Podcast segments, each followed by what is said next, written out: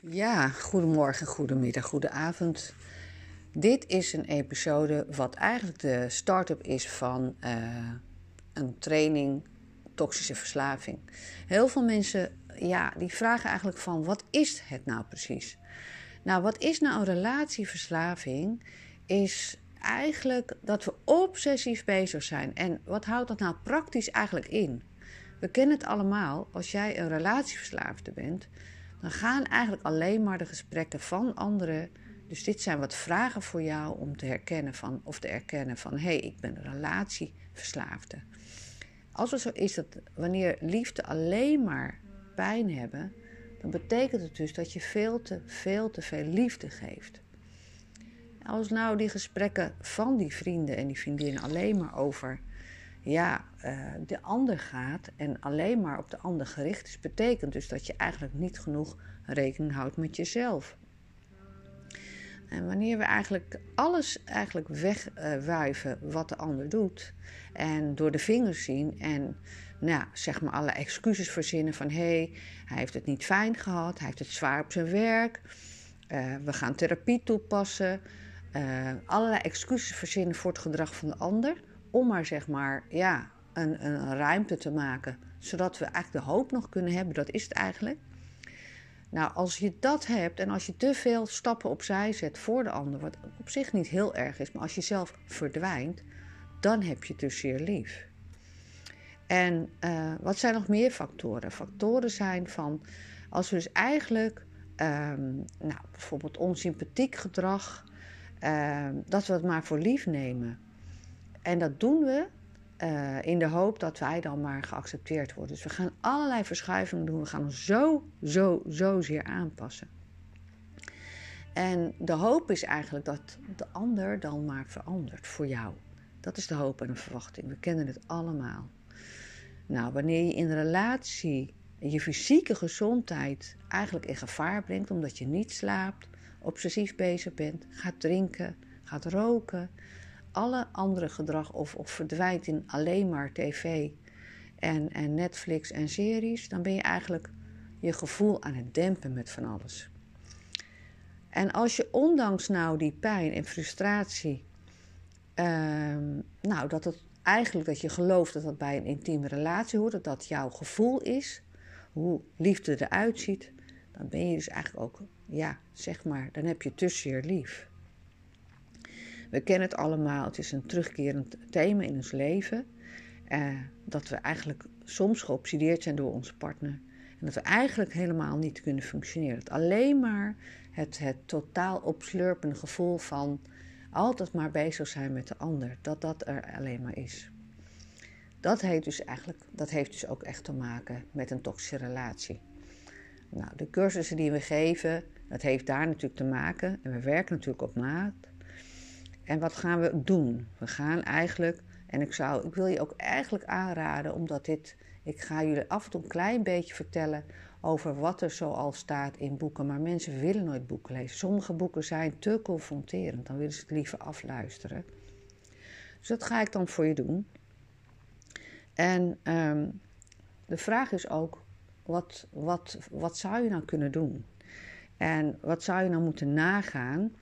Wat dus eigenlijk uh, uh, het inhoudt, waarom je dus van zo'n ongezonde partner, uh, waarom jij denkt dat je van zo'n partner moet houden die jou bedriegt of op een of andere manier te hard laat werken. Vrouwen die te zeer lief hebben, die werken veel te hard. En ook waarom je het eigenlijk moeilijk vindt om zo'n relatie te beëindigen, zo'n ongezonde relatie. Het is echt een ziekte. Relatieverslaving noemen we dat, is een ziekte. Je bent obsessief bezig met de ander en je lijdt eigenlijk alleen maar pijn. Maar wat is het goede nieuws? Het goede nieuws is natuurlijk ook dat je kan liefhebben, dat je, dat je wel kan veranderen en dat je ook weg kan gaan bij een partner die niet goed is. En uh, als het nog niet geheeld is, dan, dan ga je eigenlijk, uh, net als een alcoholverslaving of een drugsverslaving, heb je steeds meer dosis nodig. Dus de pijn, en dat is het erge altijd, die curve, de pijn van uh, de liefde, uh, je hebt eigenlijk steeds meer prikkels nodig. Ehm, eigenlijk is hetgeen wat jij aanziet als liefde, is gevormd door je jeugd en het is geen liefde. Dat maak ik heel vaak vrouwen en mannen duidelijk die bij mij in de coaching zijn. Ehm, het, eigenlijk ga je een, een, een vertekend beeld heb je gekregen van de liefde. Uh, wat je ook gaat begrijpen is dat je verlangen om liefde hebben, die hunking naar liefde, dat het, dat het echt een verslaving is. En ja, dat is natuurlijk een heel beangstigend woord. Het roept inderdaad beelden op van alcoholverslavingen en naalden in de armen. Uh, maar toch zijn, van, zijn heel veel van ons man of vrouw verslaafd. En we zullen eigenlijk eerst moeten erkennen, uh, als je hier vanaf komt, dus met alle verslavingen zo. Hè? Ja, wanneer merk je eigenlijk op wanneer ben je verslaafd aan een man of vrouw? Uit angst en niet uit liefde. Hè? Soms kan het angst zijn. En uh, dan ben je dus bezeten aan het liefhebben. Dan zit je angst om alleen te zijn. Het is een angst om niet waar. Hè? Waar bestaat die angst uit? In therapie kunnen we precies in coaching uitvinden waar jouw angst nou bestaat. Het kan een bindingsverlatingsangst, eigenlijk verlating en bindingsangst ligt heel dicht bij elkaar. Uh, geen moeite, jezelf geen moeite waard vinden. Angst om het niet waard te, gevonden te worden, om lief, om lief uh, gehad te worden. Uh, niet gezien te worden. kapot gemaakt te worden. Angst om kapot gemaakt worden als de ander niet meer is. En uh, we geven die liefde dus uh, ja, aan die man over. Maar we groeien daarvan niet. We worden eigenlijk alleen nog maar dieper gewond. En wij geven heel veel liefde um, om eigenlijk geaccepteerd te worden. En eigenlijk in de hoop dat de man of de vrouw die liefde gaat geven. Maar we groeien dus eigenlijk, en die obsessie wordt eigenlijk alleen maar erger. En wat gebeurt dus eigenlijk? We gaan eigenlijk steeds harder werken. En eigenlijk proberen we steeds een andere manier te vinden. En we gaan steeds meer investeren in de liefde. Ik, ik herken dat verschijnsel uh, bij verslaafden. En eigenlijk een liefdesverslaving is niet anders. En uh, ja, dat is natuurlijk heel apart.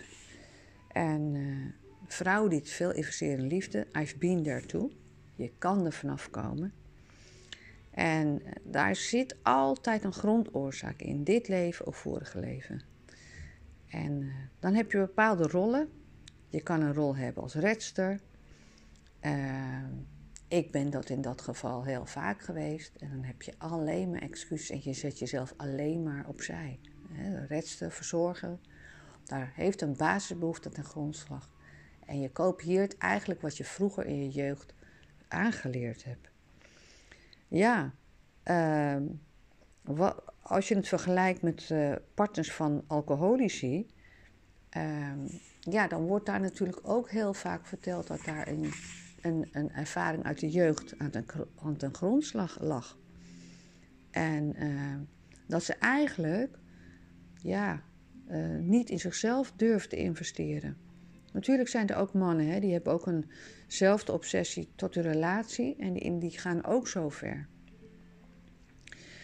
Um, wat is het verschil tussen mannen en vrouwen? Als die beschadigd zijn, zijn de vrouwen geneigd om eerder een verslaving in de relatie te ontwikkelen.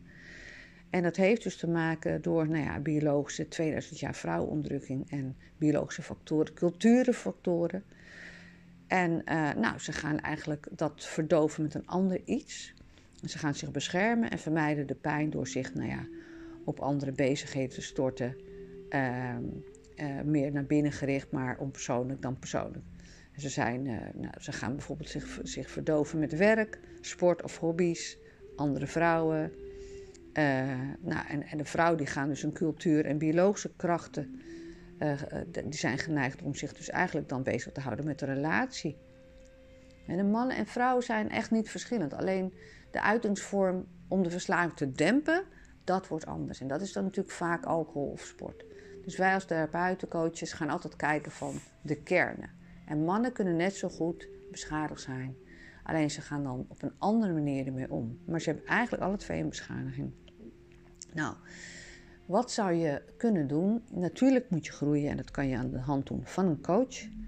Maar eerst moet je erkennen, herkennen waar jij mee bezig bent. Het is best wel verdrietig om dat kind, hè, wat ze allemaal delen in ons, om dat te herkennen wat je doet. Ga eens voelen, ga eens naar jezelf kijken wat jij de hele dag doet als je verliefd bent.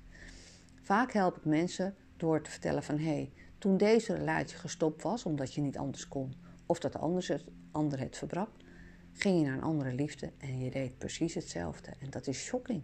Het betekent dus niet dat het gerelateerd is aan deze persoon, maar dat het echt jouw eigen gedrag is. Dus jouw gedrag, welke mannen je naar je toe trekt of vrouwen, ehm, en hoe jij daarmee omgaat en wat voor persoon dat van jou maakt. En dat is natuurlijk het vreselijke. Het gaat niet makkelijk worden. Het is heel intensief. En uh, vaak is het zo dat uh, vrouwen en mannen weggaan, uh, niet willen herkennen, boeken wegsmijten in de hoek en zeggen: Ja, dat ben ik niet. Dat is het eerste wat, wat er wordt gedaan. Ze worden geïrriteerd.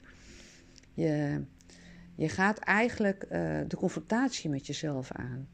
En het is best wel moeilijk om te accepteren dat je dat bent. Dat je die bottel, die man, die relatie, dat je daar dus last van hebt. Je ego wil dat helemaal niet. Je ego wil helemaal niet kwetsbaar zijn.